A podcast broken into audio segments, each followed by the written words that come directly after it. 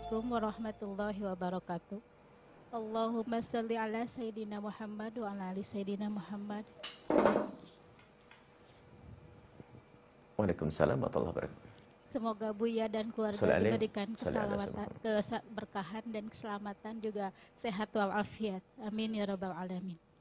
Eh, dalam masalah solawat Buya tadi dikatakan eh, doanya Amin, insya Allah amin. cepat terkabul. Amin amin Eh, amin amin. Bagaimana seandainya kita ingin ada hajat yang besar, misalkan untuk cepat anak menikah atau menjual sesuatu kalau apa harta gitu, dengan membaca solawat yang beribu-ribu, bagaimana itu hukumnya? Yang kedua ada titipan pertanyaan dari teman, Eh, dia eh, keadaannya pernah nikah siri, yang mana suaminya kurang begitu bertanggung jawab, akan tetapi dia takut dengan eh, azabnya Allah ya. Akhirnya apa pun yang suaminya eh, lakukan ya tetap aja dia manut. Padahal suaminya tidak pernah me- memberikan nafkah lahir batin cuman satu kali memberikan modal untuk biaya hidupnya terus kata beliau bagaimana posisi saya apakah saya bisa untuk meminta cerai atau seperti apa Mungkin hanya itu yang pertanyaan kami. Jazakallah khairan kasiro. Assalamualaikum warahmatullahi wabarakatuh. Baik.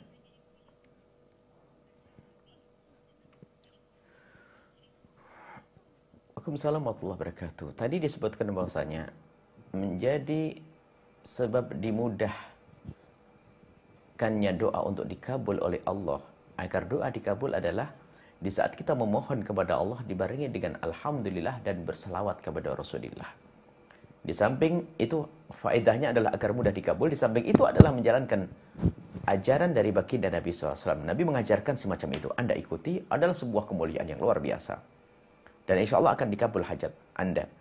Kemudian kalau ada orang baca sholawat yang banyak agar jual agar uh, apa barangnya terjual anak menikah, ya boleh-boleh saja. Akan tapi hendaknya mm, sholawat bukan hanya sekedar untuk sebuah pernikahan. Apalagi untuk mencari dunia, rendah rendah sekali. Kalau salat untuk mencari dunia, berselawatlah karena Anda mencintai Rasulullah SAW. Tadi disebutkan bahwasanya sebab dikabul doa adalah kalau Anda sertakan dalam doa atau doa Anda ada bungkus dengan Alhamdulillah dan salat kepada Rasulullah.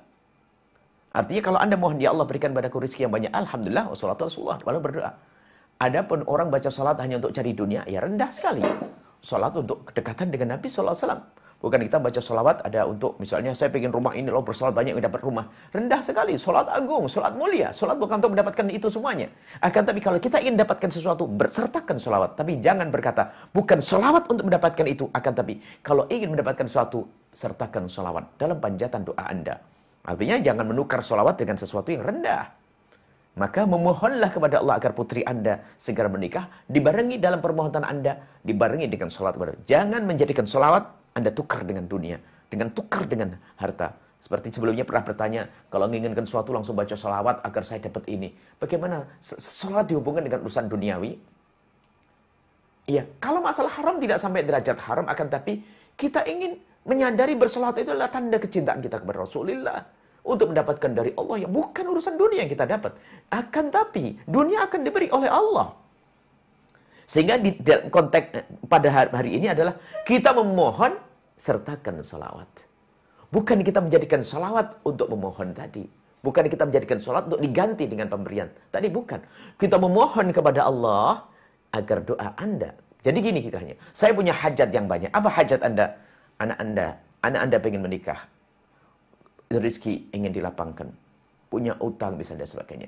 Anda ingin semua yang terbebas dari permasalahan itu, maka memohonlah kepada Allah. Nah, dalam permohonan ini jangan lupa sertakan selawat kepada Rasulullah Sallallahu Alaihi Wasallam. Seperti itu. Jadi uh, termasuk makna ketulusan itu kan kita berbuat karena Allah. Makanya kalau ada orang melakukan sholat duha untuk mendapatkan rezeki, ya boleh, sah. Tapi tingkat ikhlas rendah. Akan tapi melaksanakan sholat duha karena perintah Rasulullah, perintah Allah, itu tingkat tinggi. Tapi makanya kalau kita membaca Al-Quran, berselawat untuk mendapatkan dunia, ini termasuk disebut ikhlas tapi tingkat rendah. Tapi sah. Itu mungkin tingkat kita, nggak apa-apa. Saya sholat biar dapat rezeki. Tapi hendaknya adab kita tidak semacam itu. Hendaknya tidak semacam itu akan tapi berselawatlah karena Anda mencintai Nabi sallallahu wasallam. Kalaupun Anda ingin memohon, memohonlah sertakan selawat. Ingat, mintalah agar anak Anda segera diberi pasangan oleh Allah. Mintalah anak Anda untuk anak Anda dibarengi selawat dan alhamdulillah. Masalah menikah sirri, Masya Allah. Menikah sirri adalah memang harus waspada dan hati-hati wanita. Khawatir wanita tidak di, tidak diberi haknya. Mungkin, mohon maaf, tidak diberi nafkah, lahir atau batin bisa jadi menjadi terbuka sebab kezaliman. Kecuali memang ada wanita yang siap menerima dengan segala kekurangan sang suami, mungkin saja itu terjadi. Maka kami himbau bahwasanya pernikahan adalah bukan dengan nikah sirri, akan tapi dengan nikah dengan catatan. Karena apa? Kalau terjadi suami tidak bisa memberikan wajib melakukan kewajibannya, maka sang istri bisa menuntut ke mahkamah demi keadilan untuk ditegakkan atas uh, atas sang suami untuk sang istri. Uh, kalau terjadi kedoliman. Tapi kalau terjadi kedoliman tidak ada surat nikah, nggak pemerintah nggak bisa membela, negara nggak bisa membela. Maka surat nikah adalah penting. Tapi kalau ada orang nikah sirri, mungkin nikah sirri adalah sah secara syariat, hanya tidak dibukukan di negara, akan lebih tanggung jawab. Hai para suami, nikah sirri adalah sama punya tanggung jawab. Memberi nafkah, dan seterusnya. Nah ini harus. Kalau tidak adil nggak boleh dosa. Kecuali sang istri menerima dari awalnya. Karena mungkin sang istri hanya memerlukan, misalnya ada seorang istri yang menikah dengan seorang suami, dia tidak memerlukan suami seutuhnya. Saya hanya ingin seminggu sekali tidak ada masalah. Saya hanya ingin nafkah untuk saya. Atau paling hati saya tenang dan sebagainya. Kalau seorang istri mengatakan ikrarnya semacam itu, mah beda. Itu suka-suka haknya sang istri. Tapi pun demikian, kami himbau kepada istri agar waspada. Jangan sampai Anda didolimi seorang pria. Dan hai kaum pria, hati-hati. Berbuat zalim adalah musibah di hadapan Allah Subhanahu wa taala. Kedzalim kepada seorang istri adalah kedzaliman adalah termasuk mengundang musibah di hadapan Allah dari Allah Subhanahu wa taala. Nah, kemudian jika ada kasus semacam ini, suami tidak pernah memberikan nafkah dan sebagainya, ya. Kalau Anda seorang istri sabar, mungkin istrinya kaya, nggak memerlukan nafkah, hanya memerlukan status saja atau hanya pautan ikatan hati saja, ya sah-sah saja. Akan tapi kalau ternyata sang istri memerlukan nafkah dan sebagainya, Anda tuntut kepada suami Anda. Kalau ternyata tidak bisa, Anda minta cerai kepada suami Anda. Kalau Anda memerlukan nafkah. Ya, ini seperti itu. Jadi cuman kalau Anda nikahnya nikah siri, Anda urusi sendiri. Nah, atau orang tua Anda yang mengetahuinya. Atau kiai Anda yang menikahkan Anda. Nah, dan seperti itu. Maka kalau sama sebetulnya, cuman cara menuntutnya saja. Jika seorang istri yang dinikahi oleh suami dengan nikah siri, kemudian tidak diberi nafkah lahir atau batin, maka dia boleh menuntutnya dengan caranya sendiri. Karena tidak ada resmi suratnya, maka negara nggak bisa ikut campur di sini. Anda bisa menuntut dengan keluarga Anda kepada laki-laki tersebut. Tapi kalau ada suratnya, setelah keluarga tidak bisa, nanti mahkamah yang bisa menyelesaikannya. Seperti itu. Jadi surat itu untuk melindungi seorang wanita, seorang istri. Nah, kalau Anda rela dengan keadaan Anda, urusan Anda itu.